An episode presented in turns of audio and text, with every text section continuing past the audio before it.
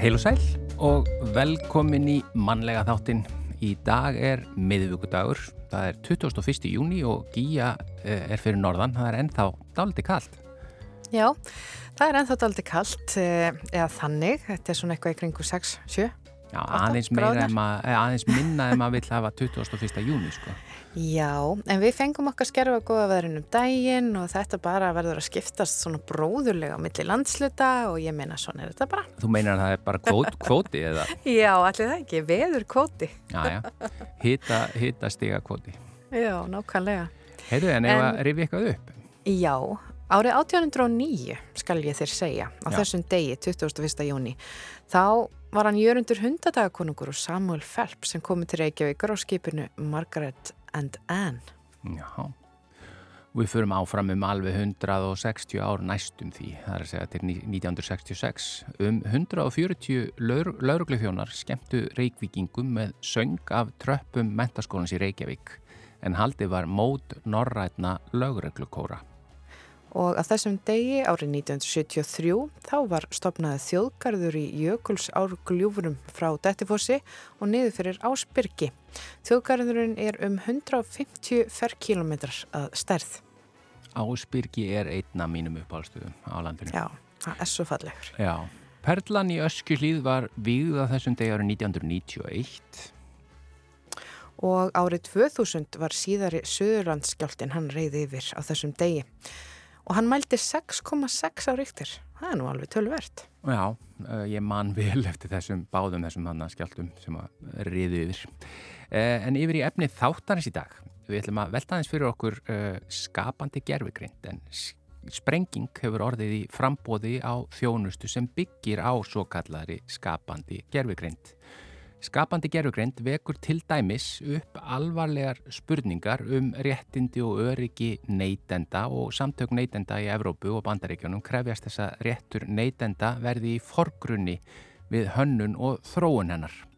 Uh, hvað er, byrjum á því bara, hvað er skapandi gerfugreind? Uh, Breki Karlsson, formaður neytendasamtakana, hann ætlar að koma í þáttinn hér á eftir og útskýra fyrir okkur til dæmis það og hvað neytendasamtökin er að benda á svo út í allt annað. En hvæðamannafélag eru starrætt viða um land og eitt þeirra er hvæðamannafélagið Gefjun hér á Akureyri.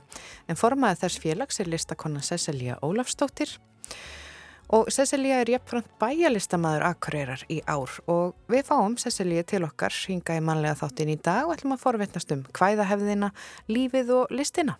Já, svo fáum við postkort frá Magnús er eina sinni í dag og Magnús er nýkomin heim frá Berlín En hann hefur hrifist af borginu og segir meðal annars frá frábærum samgöngum, áfengis og kannabis neyslu á almannafæri, 17. júnistrætinu sem er ein helsta breyðgata borgarinnar, Pútin kemur líka við sögu en þjóðverjar vita sennilega meir um hann en flestir þar sem hann starfaði sem njóstnari í Dresden og við um KGB fyrir fall Sovjetríkjana.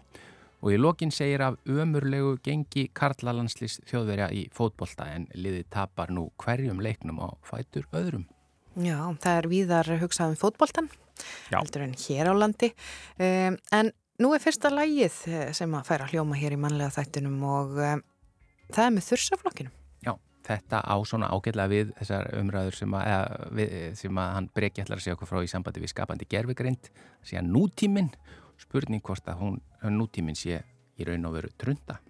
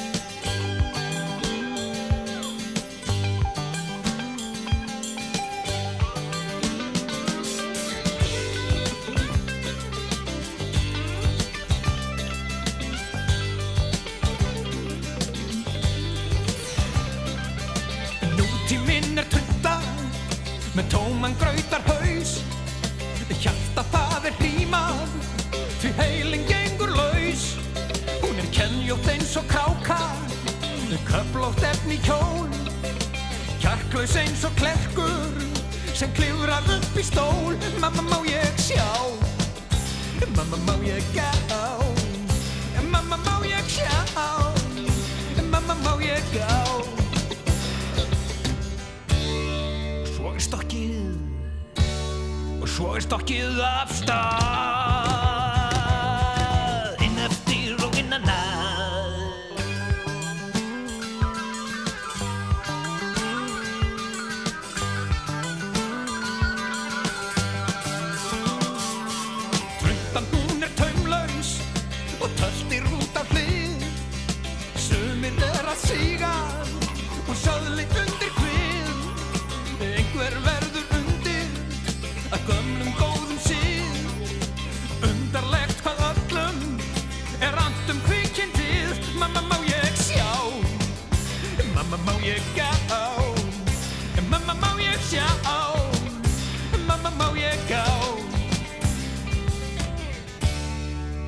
stokkið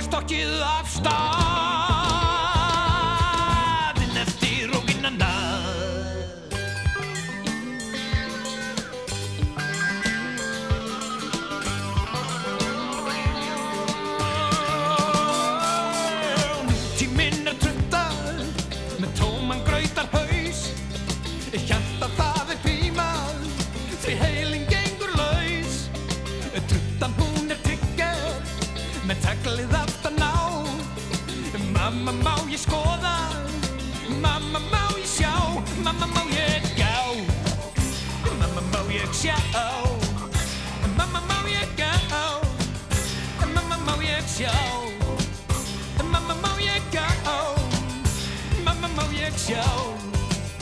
En mamma má ég gá. En mamma má ég sjá. En mamma má ég gá. En mamma má ég sjá. En mamma, mamma má ég gá.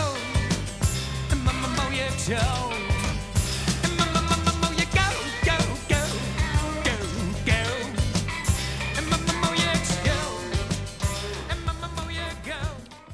Já, þetta er uh, eh, lægið Nútíminn með þussafloknum uh, og þarna er bara ný skipað, sem er ekki ný skipað, er borgarlistamæður uh, Egil Ólásson sem að sönguð þetta og, og samti þetta lag ásand Sigurði Bjólu Garðarsinni. En hingaði komin til okkar Breki Karlsson, formaður neytendasamtakana. Velkomin í manlega þáttinn. Takk. Við ætlum aðeins að ræða núna næstu mínútur um kannski með svona ógnir sem stæði að okkur uh, því að uh, sprenging hefur orðið í frambóð á þjónustu á svo kallari skapandi gerfigreind gerfigreind og, og skapandi gerfigreind förum aðeins bara, byrjum á því að fara aðeins yfir það. Hvað, hvað er verið að tala um þarna? Sko, skapandi gerfigreind er, er þýðing og ennska hugtækinu Generative Artificial Intelligence. Já og það er svona undirflokkur gerfigreindar sem er þjálfið í að vinna úr alveg gífurlega miklu gagnamagni meðal annars með vélnámi eða machine learning Já. og búa til nýtt efni svo sem texta, tölvukóða myndir, hljóðið eða myndbönd tónlist og, og það þarf að, að því að sko þegar fólk hugsa um þetta þá fer að stundum einhverjar að hugsa um hérna, bíómyndina Terminator það sem hérna tölvurnar og, vélmenni. og vélmennin búin að taka yfir allan heiminn og er að eigða mönnunum. En sko skapandi gerfugreind er ekki með neina svona sjálfsvitund og hefur ekki sko frumkvæði að, að einu eða einu getur ekki sko lært eitt eða neitt. En þá, en, en, en hún getur að líkt eftir þeim hlutum sem, sem við hérna, maðurinn höfum gert og, og við höfum dæmi um þetta sko, eins og hérna, chat GTBT eh, sem býr til texta hérna, og, og upp úr alveg gigantísku magni af, af hérna, efni sem hefur verið ritað Þetta er sko að því að það hefur verið talað um gerfgreind í mörg, mörg, mörg ára og mm. áratugji mm. en það er eins og við höfum vaknað upp við svona, ég segi ekki endilega vondandraum en jú kannski. Eh, það er bara, það er ekkit svo margi mánuðu síðan að þetta, einmitt chat GPT sem að eh, er algjörlega magnað, ég veit ekki hvort ég sé bara tól, eh, þar sem að þú getur skrifað í rauninni eða beði þetta þessa gerfi grind um að skrifa eða búa til texta um nánast hvað sem er mm. og líka á íslensku núna Jájá, algjörlega Það reyndar ekkit sérstaklega góður í íslensku við, þú, þú, ég ætla bara að byrja þannig að kostum þess aðeins hérna fram því að þú, þú spurðir tjatt GPT ekki satt mm. Hvað getur þú sagt mér um mannlega þáttin á rúð Uh, og hérna bara fyrsta setningin mannlegi þátturinn er dagskrár stjórnun ríkisútvarpsins RÚF sem hefur verið í gangi í mörg ár. Þátturinn er hugsanlega þekktastur sem veistla þáttur á íslenskum sjómarpi. Þannig að þú veist, íslenskan er ekki alveg kannski upp á hundrað í þessu og, og, og efnislega ekki alveg. Nei, Þú veist og það koma alls konar hlutir í þessu. Þátturinn er upplagt þannig að viðhorf, trú, kynþokkafull, áhugamál og önnur áhugamál þáttakanda er, eru miðpunkturinn.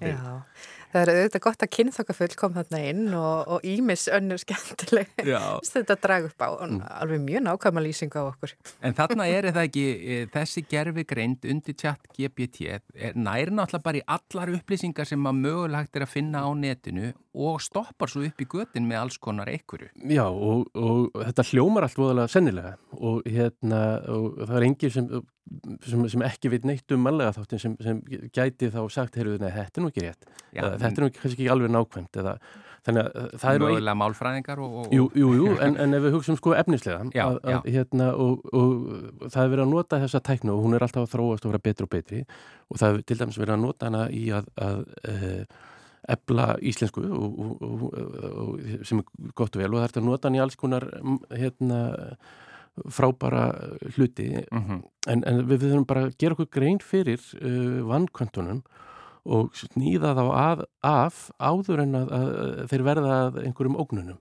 Hverjar eru ógnirnar? Eins og til dæmis, þú ert formað neytendarsamtakana og nú Já. eru neytendarsamtöku út um alla Evrópu það ekki Já. búin að taka sér saman. Hva, sko, hvað er verið að vara við? Það eru 16 neytendarsamtök hérna, út um allan heim sem, sem hérna, standa að gerð skýslu og, og, hérna, og ákalli til stjórnvalda um að setja reglur um, og, og ramma utanum um nótkun á, uh, hérna, á, á þessari skapandi gerðugrind sem hefur verið nótuð í, í langan tíma. Það er bara fyrst núna þegar að, að hérna, í haust þegar að chat GPT var svona var, sett á laginnar og opnað fyrir almenning þegar að almenningur var þess var Já. en til dæmis hefur verið hérna, svona skapandi gerugrind hefur verið notuð til dæmis í hérna, við að vinsa úr atvinnu umsóknum og, og, þar, það, og þar koma í ljós sko, hérna, þessa, þessi bæjasar eða þessar, þessi hlutrækni sem, sem, hérna, sko, að að, sem við höfum sjálf Já. sem verður til þess að, að að, að, að hérna, megin þorri efnis er, er hérna, sem vélarnar leita í eða tæknin leitar í að, hún er þá líka hlutregnin er innbyggð inn í, inn í kerfið. Já, því að, að vélarnar ná í, í allar upplýsingar á netið og, og þaðan hafa þær komið frá okkur Nákvæmlega, nákvæmlega. Og, og þannig til dæmis að þú byður hérna uh, forritið um að, að teikna mynd af lækni þá er það yfirleitt uh, hérna miðaldra kvítur karlmaður en ef þú hérna byrður hann um að, að teikna mynd af, af, af velvirkja þá er það yfirleitt einhverju af öðrum uppruna.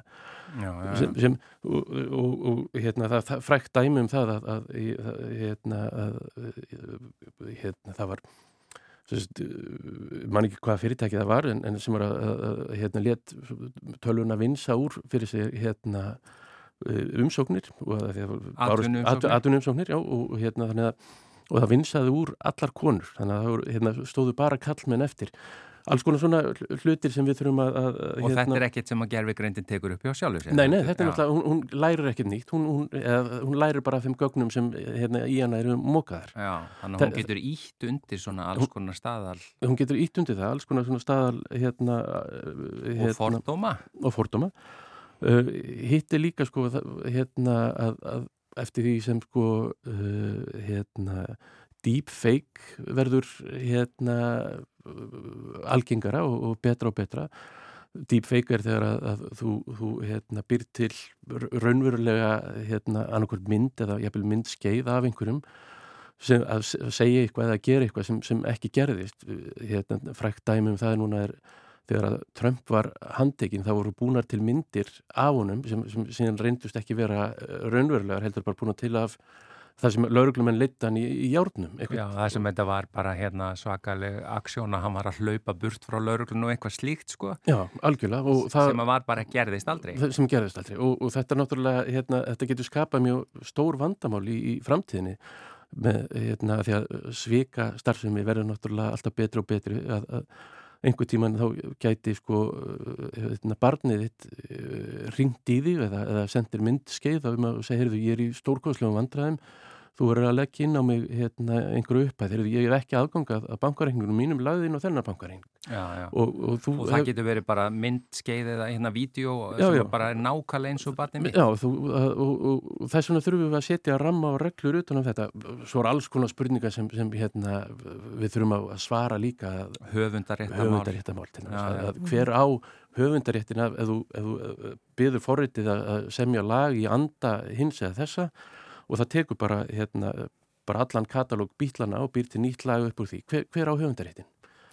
Og, og það er frækt dæmi um það líka að núna í haust fóru, fóru þrýr tónlistamenn í, í New York í, í mál við hérna, Stable Diffusion sem býr til svona tónlist og, og kráðust höfundaréttar og, og höfundaréttar greiðsluna af, af, af hérna, tónlist og það sem Stable Diffusion eða, eða stegundi forrið sem gerði var bara að, að, að hérna að búa til svona átt hérna, takka fyrir þannig að þeir gáttu svo hafna því að vera með í þessari púli í gagnabankanum En, en í mhm. rauninni ætti þetta kannski að vera alveg öfugt að þú þurftir að gefa leiði fyrir því að vera Já, í gagnabankanum. Það er, það er spurning sem, sem við þurfum að, að, að, að það er einn af þessum þáttum sem við þurfum að búa til ramma, ramma utanum sko. Já. Já, en hvað, sko þetta er, það eru margar hætturnar og mörg svona spurningamerki og Uh, og hvað svona ætli þið núna í neytendasamtökunum og bara neytendasamtökin hér á, í Skandinavíu eins og þú talaður um uh, hvað ætli þið að gera? Hver,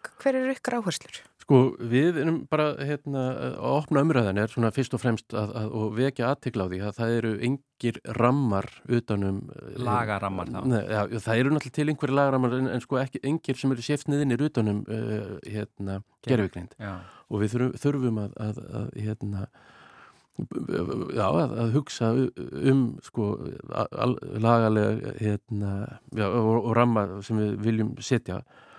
Og aðalega sko kannski það sem við fyrir fram ára er að, að hérna að þetta verði ekki sett í höndurnar á uh, stórfyrirtækjunum sem eru núna nú þegar að stjórna þessu sem hérna Google, Microsoft eh, Snapchat eru nú þegar að nota hérna gerðugrind uh mhm. -huh. og ef að, ef að við stígum ekki inn í þá, þá munum þau útbúa ramman og við vitum það að, og höfum bara því miður slæma reynsla af því að, að, að láta stórfyrirtækjum eftir að búa til þessa ramma og þess vegna eru við í svona aðdraganda e, Evrópu þingkostuningum á næsta ári að, að opna þessa umræðu og þetta verður svona á ottinum hjá neytendasamtökum um alla Európu uh, á leiðinni uh, í, í, í þeirri svona, hérna, umræðu sem mun skapast í kringum Európa-þingkvæmst. Og þessi þróun er svo hröð að það er nú eins gott að fara að spýta í lóana því að það tekur ekki eh, enga stund að búa til svona lög. Nei, menn við, við teljum að það, við tölum um það að ef að við ákveðum að fara að setja, að setja ramma núna þá getur það tekið alltaf tvö ára að búa til Európurramma utanum þá getur þau verið að leti reglur í Európu uh mhm. -huh. og þá er svona reynslan að, að það tekið 2, 3, 4, 5, 6, 7, 8 ár hérna, til að leiða í reglur og lög hér á Íslandi. Hvað meinar eru? Íslensk stjórnund ekki snögg til eða? Ekki, ekki alltaf í miður, en, en hérna, þess vegna eru við að, að vekja aðtiklásu núna til þess að, að stjórnveld séu viðbúin og til þess að, að við getum öll tekið þátt í þessar umræði þegar umræðan er til alls fyrst. Já. Já, áhugavert því að þetta mun, uh, þetta er sko aldeilis öruglega ekki það síðasta sem við munum heyra af þessum málum. Þetta er bara rétt að byrja. Algjörlega. En Breki Karlsson, formaður uh, neytendarsamtakana, takk kjalla fyrir komuna í manlega þátti. Takk.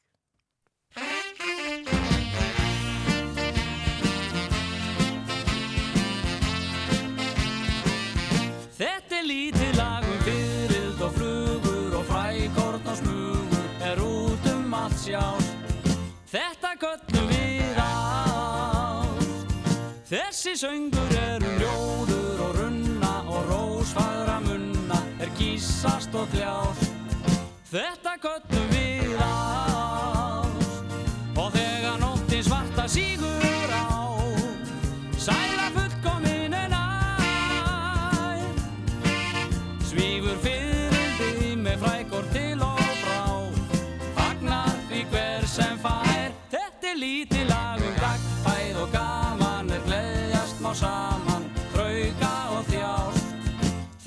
Þetta göllum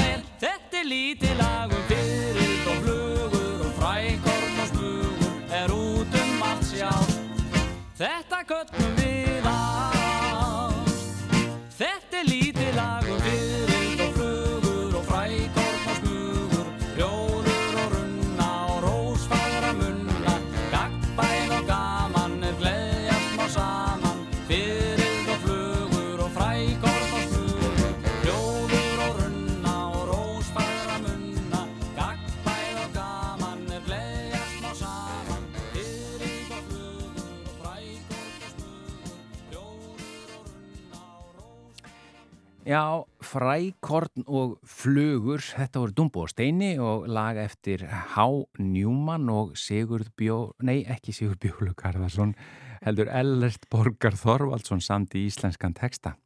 Já. En uh, þú ert komið með góðan gest til þín, Gíja. Já, ég er komin með hana Cecilju Ólafsdóttur, listakonu, hingað til mín í hljóðver á Akureyri. En við ætlum að ræða um, já, margt sem hún er að gera. Hún er til dæmis formaður hvæðamannafélagsins skefjunar hér á Akureyri og verðu hjartanlega velkomin í þáttinn, Cecilja. Takk kærlega fyrir. Það hækkar svolítið í þér. Um, sko, fyrst af öllu, svona hvæðamannafélög, uh, þú ert formaður, segðu mér aðeins frá hvæðamanna félaginu þínu sem heitir Gefjun. Já, þetta er bara uh, hópur af fólki sem hefur svona áhuga á uh, hvæðamanna hefðinni okkar, rýmna hefðinni, hvæðalaga hefðinni, öllum þessum stemmum sem við eigum. Og við söpnumst saman, þetta mest, þetta virkast yfir veturinn, þá hittumst við einu sinni til tvísvar í mánuði og við bara hveðum saman. Við Já. hittumst alltaf á miðugtöfum eiginlega og við erum með nokkra viðburði og uh, fögnum til dæmis í fyrri, fyrra þá fögnum við degi rýmnalagsins sem er í september, 15. september ef mann rétt og svo er alltaf landsmátt hvæðamanna sem er uh, mesta veistlan. Þá hittumst við sem sagt við úr hvæðamannafélagi gefjunni og úr yðunni og mörgum, eða í rauninu bara öllum hvæðafélögum sem eru hérna hérlendis hittumst á hverjum og einum af þessum stað sem sagt áralega. Mm. Þá hittumst við eins og núna í ár þá var það á Kvamstanga, í fyrra þá var það held ég á Egilstöðum og árið þar áður þá var hérna, voru við í Skagafyrði og næsta árið þá verðum við hérna í Eigafyrðinum. Já, spennandi. En hvað var það sem fekk þig til þess að fara inn í þennan félagskap? Það er kannski bara það að ég hef alltaf verið alltaf svona gamaldags. ég hef alltaf haft rosalega gaman af svona rótunum okkar, arfleiðinu og, og hvað svona gerir okkur að Íslandingum, hvað, uh, hva, hvaðan við komum, þú veist, allt þetta torfbæjar, þetta, þessi kvæðalög, þessi, þessi fallegu, hérna, sagnir og þjóðsögurnar okkar, allt þetta sem við eigum sem að var svona, já, hefur svona kannski stundum glatast ég svona, fólk vil stundum fleia batnin út með baðvatninu eins og maður segir. Og ég hef bara þótt rosalega væntum að því það eru alltaf, það eru fallegi hlutir hérna sem að má ekki glata sem að eru svo sem að er svo gaman að rækta sko. Og það er, það er svo mörg félög eins og eins og við erum hérna með í eigiferinum handraðan sem að hugsa um all, allar hannirinnar, allt sem að handverkið sem að var, var unnið hérna bara á öllum bæjum sko og svo akkurat er það kvæðalaga hefðin og það eru þjóðlögin og þjóðdansatnir og það er svo margt sem, að, sem er svo fallegt og það er svo gaman að hérna og sérstaklega finnst mér gaman bara að bera það sama líka við aðra þjóðir af því að það er oft sem að sé því lengra aftur sem að fer því meira eigum við öll sameinlegt eitthvað. Já, einmitt. Eh, er mikið alþjóðalegt samstarf hjá hvaðamannafélagum? Eh, er þið eitthvað svona að fara erlendis í ferðir? Sko ekki, ekki hinga til sko, en ég svona þetta með dættið í huga því það var sem sagt eh, portugalsk, portugalskur hópur sem var að vinna er sem sagt að gera eitthvað svona alþjóðaverkefni, segja er þess að vinna með hvæðalaga hefð eða þjóðlaga hefð uh, landana á mörgum Evrópu. Það er svona, það er ákveðið viðfangsefni, það er svona áhugavert viðfangsefni. Þau eru með hérna Lappland og svo leiðis og þau komið sér sett og tóku upp og eru, eru hérna ennþá hérlandis. Já, þau eru ennþá að taka upp alls konar uh, bæði hvæðalög og þjóðlög og, sagt, og sjá akkurat líkendin hann á milli og eru frá mm er Portugal og svo er held ég einhverstaðar í Pólandi á mörgum Pólans og Úkrænu, það er eitt og svo er hérna á Íslandi, Lapplandi já. og þetta er, þetta er ótrúlega skemmtilegt einhvern veginn að bera þetta saman allt. Já og uh, já, ég getum svona ímynda mér að, að uh, þú sért mögulega með þeim yngri í hópnum eða hvað? Hvernig er svona aldurskiptingi? Þetta er, já, það, það er svona alltaf að yngjast. Ég held að fólk er svona að fá aukinn áhuga á hvæðalögunum og á aflöðin okkar. Eh, það, ég er nú samt ekki yngst. Ég er, uh, ég er næst yngst í augnablikkinu. Það er strákur sem er, hvað ætla hann segja, hann er rúmlega tvítur. Bara, hann er bara um tvítut. Hann er rosalega duglegur í þessu og, og það er önnur á mínum aldri og svo var ég mitt að spjalla veit sem að er að hugsa um að komin og hann er að svipum aldrei og ég líka þannig að það er bara Þannig að það er eh, nýliðun Já, það er alveg klálega Hvæðamanna heiminn Já, alveg klálega En hvernig svona þið hittist á að vetri til og hveðið saman og þið hittist tvisar í mánuði? Já, svona einu sinni til tvisar. Hvernig er svona út af því að þetta var auðvitað það sem var gert yfir vetratíman til þess að stitta fólki stundir. Já. Hvernig stemming myndast uh, þegar þið hittist? Það er frábær stemning sko. Það er að því að við erum, þú veist, það er alltaf alls konar sögur og svo er akkurat, það, það er þessi tenging líka millir kynsluða sem að er akkurat þetta að þú ert að tala um líka nýleðun og það er svo gaman akkurat að vera með fólki sem að sko ólst upp við þessi kvæðalög. Við erum með nokkra í félaginu sem að námu þetta frá ömmum sínum og öfum og frændum og frængum og alveg aftur í ættir og það er ótrúlega gaman að heyra sögutar af þeim og, og heyra nákvæmlega hvernig hvernig hvæðalögin sem að þau kunna eru, það er svona ákveðnar útgáfur og útfærslur á jafnvel sömu hvæðunum sko. Og það er mjög gaman að, já, og skemmtilega samkoma. Og uppáhaldi mitt er held ég að árlega þá hittumst við hérna á þrettandanum. Og þá er svo skemmtilegt að þá er svona ákveði pálínubóð þá koma allir með einhvern mat og líka einhverja skemmtun. Þannig að það er tónlist og það eru sögur og ljóðalestur og, og þá skapast svona baðstofa stemning mm. og við mhm. erum öll að kveða og... Já, skemmtilegt og svo ert þú nú líka uh, sko, Cecilia, þú ert uh, bæjarlistamæður hér á Akureyri. Uh, flettar þetta einhvern veginn saman að vera í hvæða hefðinni og svo ertu bæjarlistamæður? Já, já, já, þetta er allt saman bara einhvern veginn samhangandi. Ég held að þegar, þegar fólk er á, á einhverju leiti í listum þá held ég að það vefist alltaf saman einhvern veginn allt. Ég er alveg að nota þetta í, ég er að vinna eitt verk og þá er ég að nota einmitt hvæðalega hefðina í það því ég er búið til tónlist við eitt verkunum mínum. Þannig að það er bara ótrúlega gaman að einhvern veginn taka þetta, uh, fortíðina og nútíðina og fletta þetta saman. Mm -hmm. um, en hvaða hefðin? Þetta er nú kannski svolítið einmitt uh, hefðin, fortíðin, uh, en það er nú verið að nýta þetta og skapa á nýjan hátt. Já, Já. Jú, það, það er alveg, hefur verið að, uh, margir hafa verið að taka þetta. Ég veit til dæmis að Ilja og Línusorri og margir hafa verið að svona vinna alltaf skemmtilega með þetta og þeir hérna, ah, hvað heit það nú? er það ekki Hilmar og, og Stein Já, einhverju tónlistamenn Já, það er hérna þekktur sem heitir Steindor Andersson Andersen og, og Hilmar þeir hafa verið að taka svona alltaf flott og fletta saman bæði þessi hvæðalög sko og svona tónlist undir sem svona passar við mm -hmm. Og er gaman að, að vera formaður í þessu félagi? Já, það er afskaplega gaman það er bara rosa gaman að einmitt að að bara leiða þessa svona, þessa svona skemmtilegu einstaklinga saman og svona sjá hvað, hvað getur orðið skemmtileg stemning þar sem að kemur allir koma með eitthvað að borðinu. Já, ég sé hérna að þeir heita Steindur Andersen og Hilmar Örn sem að hérna, við vorum að leita stundu þannig að maður að grubla svona í minni til þess að finna nöfnin. Harfiðt. En sko Og fyrir fólk sem er áhuga samt, uh, já þeir eru þetta í svolítið fríi svona yfir sumartíman, öll þessi hvæðamannafélag og svo þegar veturinn kemur aftur, mm -hmm. svolítið skrítið að vera að tala um veturinn það er nú held í sumarsólstöðu núna þannig að nú fyrir daginn aftur að stitta þannig að þetta er bara veiðeigandi að ræða þetta núna. Já. En hvað með fólk sem langar til þess að koma inn í þetta starf, uh, hefur kannski, er að koma til ykkar skúfuskáld eða eitthvað svona, hvernig, hvernig fólk er svona forvitið um að koma til ykkar? Það er nefnilega bara alls konar og það eru allir velkomnir. Það er, að, það er að koma bæði fólk sem hefur bara aldrei einhvern veginn snert á hvæðum eða hvæðalögum eða neinu áður. Það er að koma fólk eins og það er eitt sem að er, eh, við köllum hann hirtskaldið okkar hann, og hann semur sko ljóð en hann á erfitt með að hveða sjálfur. Þannig að það, það er bara allir velkomnir og allir hafa eitthvað fram að færa sem er einmitt þetta baðstofu, þessi baðstofu hugmynd. Mm -hmm. Við erum einmitt með alveg skáld og við erum með hvæðamenn sem eru rosalega sterkir söngmenn og svo aðra sem eru meira sterkir hvæðamenn en, en minna í söngnum sko. Þetta er nefnilega, þetta er ekkit endilega sama sko. Nei og eins og ég segði aðan, þú ert bæjarlistamæður akkurýrar og ert svona pínu að nýta þér þessa svona arfleið okkar um, í þínum verkum, en hvað er svona framöndan hjá þér sem bæjarlistamæður?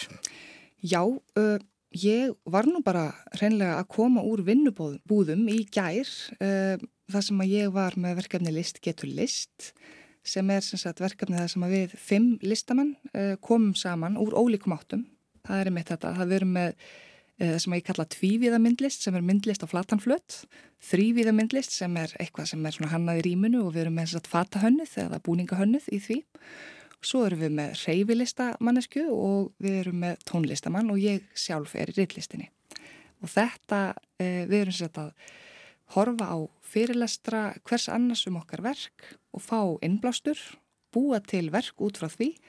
Og svo hittumstu öll núna síðustu þrjá daga, erum við búin að vera að uh, sína hvert öðru verkin sem að hafa orðið til sem innblástur frá hvert öðru. og uh, erum sér satt að búa til verk sem er svona samsuða af þeim öllum, að sem að allt kemur saman og tala saman mm og þetta er alveg rosalega skemmtilegt og þetta verður sínt á Akureyravöku hérna á Ansbókarsafninu Spennandi. Takk fyrir að koma til okkar hinga í mannlega þáttin Cecilia Ólafstóttir, formaður hvæðamannafélagsins Gefjunar hér á Akureyri en líka bæjalistamæður Akureyrar. Takk fyrir og gangið vel. Takk hella fyrir mig. Ó mín flaskan Moon.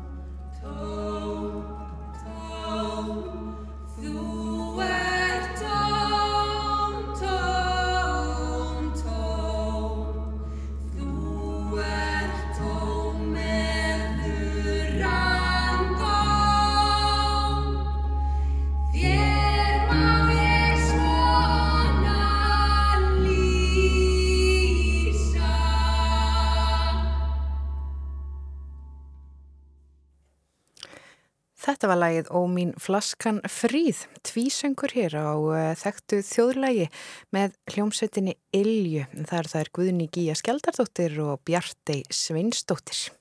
Já, en það er komið að postkorti frá Magnúsi R. Einarsinni. Heil og sæl. Ég er nýkomin heim til Íslands eftir dvöl í Berlín, höfuðborg Þískalands. Og því oftar sem ég heimsæki þá borg því betur líka mér hún. Það þarf ekki að fara mörgum orðum um hversu sögufræg borgin er og rík af söpnum og byggingum. Berlín var, eins og allir vita, einn helsti vettfangur stríðs og pólitískara átaka 20. aldarinnar og þess er við að merki í borginni en þann dag í dag. Ég var einmitt stattur í Berlin núna á þjóðháttíðardegi okkar Íslendinga 17. júni. Sá dagur er kyrfilega mertur í borginni merkilegt nokk. Breiðgatan sem liggur í vestur frá Brandenburgarsliðinu heitir 17. júni stræti. Þetta er meiri áttar búluvarður og við hann standa fræg og merk minnismerki þar á meðal Sigursúlan sem er þekkt kennileiti Berlínar og ég framhald af 17. júnistræti kemur strætið sem er kent við Járn Kanslaran sjálfan, Bismarck. En 17. júnistræti Berlínar hefur engin tengsl við Ísland eða sjálfstæði okkar Íslendinga. 17. júni var nefnilega eiginlegur þjóðháttíðardagur Vestur Þískalands í einn 36 ár frá 1954 til 1990. Það á sér þá sögulegu skýringu að þann dag 1953 varð gríðarleg uppreist og óverðir í öllum stærstu borgum og bæjum í hennu kommuníska Östur-Þískalandi. Uppreist sem var barið niður af hörku af Sovjítrikjónum. 10.000 manns voru sett í fangelsi og að minnstakosti 40 teknir að lífi fyrir utan alla þá sem slösuðust eða voru drefnir af sovjaska hernum. Þess var minnst með einsum hætti í Þískalandi á laugadaginn var að 70 ár er liðin frá því að 17. júni uppreysnin var gerð í austur Þískalandi. En 17. júni er ekki lengur þjóðháttíðardagur Þískalands. Sá dagur er núna 3. oktober en það er dagurinn sem Þískalandi í austur og vestur samanðust árið 1990. Berlínaborg er vel skipuluð og þægilega flestu leiti. Það er auðvelt að ferðast um borgina því almenningssamgöngur eru aldeilis frábærar. Þarna er tvöfalt lestarkerfi bæði ofanjarðar og neðan, sporvagnar og strætó og aukþess eru fyrirtags hjólabrautir fyrir þá sem vilja ferðast hjólandi. En hjólandi umferð fer ört vaksandi og fyrir þá sem er ekki vanir borginni þá getur svo umferð verið svolítið varasum því maður átt að sig ekki alltaf á hvar brautirna liggja. Eitt af því sem vekum manni líka förðu er hversu afslapaðir borgarbúar eru gagvart áfengisnistlu. Maður sér fólk á gangi út á götu og torgum og inn í stræt og í sporvagni með opnar bjórflöskur og það tegar að vild. Þetta hefur hverki annar staða séð. Kannabistefurinn er líka víða ábyrrandi og það verðist enginn kippa sér upp við það. En eins og ég hef sagt frá í nýlugu postkorti þá vilja þýsk stjórnmjöldur lögleifa sölu og neistlu kannabisefna inn í sérstökum klúpum svipað og týðkast á spáni. Annað sem maður verður varfið í borgin er hversu vel þjóðverjar fylgjast með framvindum mála í stríðunu austur í Úkræinu. Alls ekkið ástæðuleysu þegar tillit er tekið til nálæðarinnar og ekki síður sögunar en þjóðverjar unnumart ódæðið þar eistra undir fórustu Adolfs Hitlers og nazistana. Sérstaklega virðast þeir nú óttast kjarnorgófnin sem Putin hótar að beita af og til og um þetta er mikið fjallað í fjölmiðlum. Og þjóðverðar eru líka stöðut að stúdera Putin en eins og kunnut er starfaði hann fyrir KGB leinuð þjónustu Sovjetrikina í Þýskalandi í einn fimm ár. Hann bjó og starfaði í Dresden og er þýskumælandi og hann var þar þegar múrin rundi og austur Þískland hægt að vera til sem þjóðríki. Þjóðverðar segja að sá sögulegi atbyrður hafi haft djúb áhrif á Pútin og hafi mótað hans pólitísku sín. Eftir að hann náði völdum í Rúslandi hafi hann verið gallharður á því að leifa aldrei almennri óanæju að breytast í byltingu eins og hann hafði orðið vittni að í Þískalandi. Hann gerði sig grein fyrir því að jafnvel valda mikil elita sem ræður yfir harðskeittir í lauruglu getur skyndilega mist sín völd ef almenningi er gefin oflaus taumur. Draumur hans um rúsnest heimsveldi er byggður á þeim harmi sem hann upplifði þegar Sovjetríkin liðuðust í sundur. Það hafa myndast ymsar sögur um meint afreg Pútins í Dresden á meðan hann starfaði þar frá 85 til 90. Afreg sem rúsneski fjölmilar hafa ítrekka sagt og endur sagt og Pútin sjálfur hefur aldrei borið neitt á móti. Samkvæmt rúsnesku fjölmjölum og jafnvel ímsum vestrænum æfisögum það mætti halda að Pútin hafi verið einhvers konar ofur njósnari. En nú nýlega byrtistur laung og mikil grein í þíska tímaritinu Der Spiegel þar sem kafaði róni sögugu Pútins í Dresden og flestar, ef ekki allar, gropp sögurnar að njósna afregum hans eru hræktar. Staðrindin er svo að Dresden var ekki ringiðu kaldastriðsins, svo miðja var í austur Berlín. Dresden var á útjæðrunum og skipti ekki miklu máli. Þar snýrist starfsemi KGB aðalega um það að finna einhverja erlenda stúdenda í háskólanum til að njósna um aðra erlenda stúdenda í þeim sama háskóla. Ekki beint göfugur starfi fyrir metnaðan fullan njósnara sovjerska heimsveldisins. Þvert á móti þá segir í Der Spiegel að Putin hafi hreinlega og einfallega verið skrifstofublók sem hafði það verk helst með höndum að skoða umsóknir austurþjóðvera til að heimsækja ættinga sína vestanvegin við járntjaldið. Putin bjó með konu sinni Ljúdmílu og tveim dæturum í rúmgóðri íbúð í Dresden en var nú ekki betur settur en það að þegar hann og restin af KGB var hrakin og brott að hann tók með sér gamla þvottavél sem tilherði íbúðinni. Í sama gerðu allir rúsarnir. Þeir stálu öllu steini léttara þegar Sovjetveldur hundi, að segja hurðum og glukkakörnum.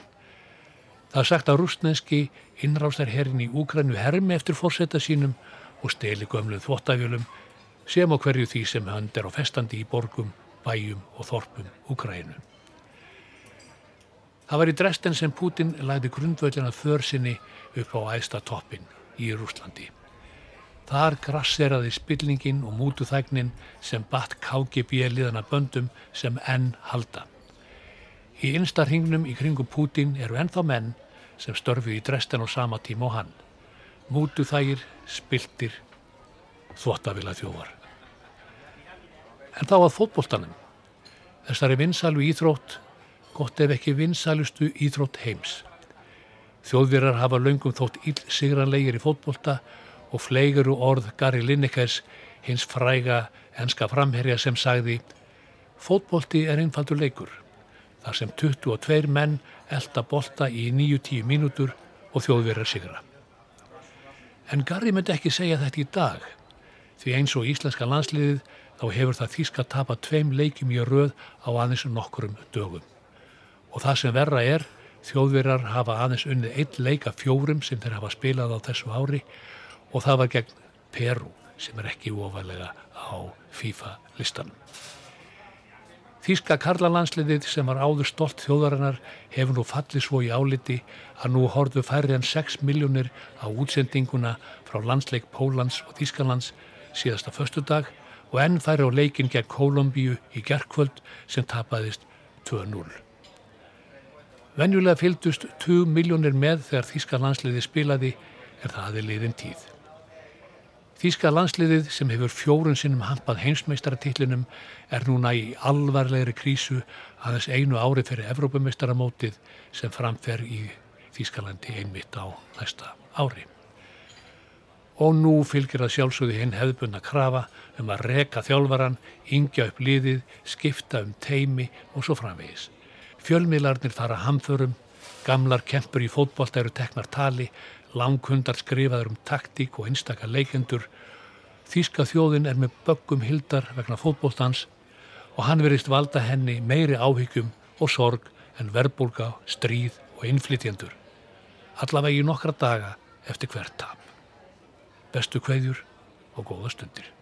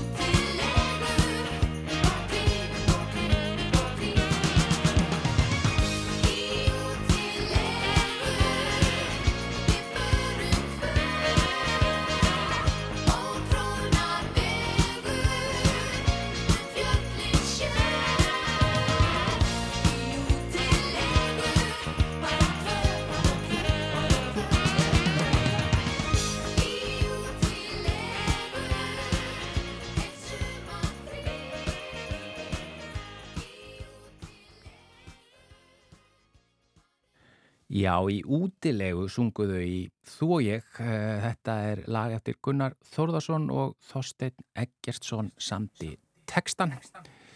Eh, Þetta var bara lokalagið í þættinum í dag, já. Já, og uh, gott að hafa svona útilegulag, svona síðasta lag þáttarins, það eru glæða margir að huga að útilegu, er í útilegu kannski, að fara í útilegu, skipuleggja. Ég ætla að fara í útilegu sumar. Já. Ætla þú í útilegu sumar? Ekki búinn að plana það, nei, en, en það gæti svo sem uh, verið, ég er, ég viðukenni. að Þetta er ekki mín helsta skemmtun að, í tjaldútilegu, sko, eða það er þessi, jú, jú, ef einhver sér um að tjálta fyrir mig og, og, og, og það þarf að vera gott veður og það Já. má ekki vera of heitt og ekki of kallt og ég er rosa, Já, það er bara vesen á mér í kringum svona. Mm. Ég er rosa spennt, ætla að fara með fjölskylduna í tjaldferð og ég vil bara að sé rigning og rók og sól og að það má bara vera öll, allar útgáfur af veðri, þá er ég glöð. Já, það er nú gott að, að við séum á Íslandi. Já, en það er komið að lokum hjá okkur í manlega þættinum e, í dag, en Já. við verum með þetta hér aftur á morgun. Þakkum innilega fyrir samfélgina og verið í sæl.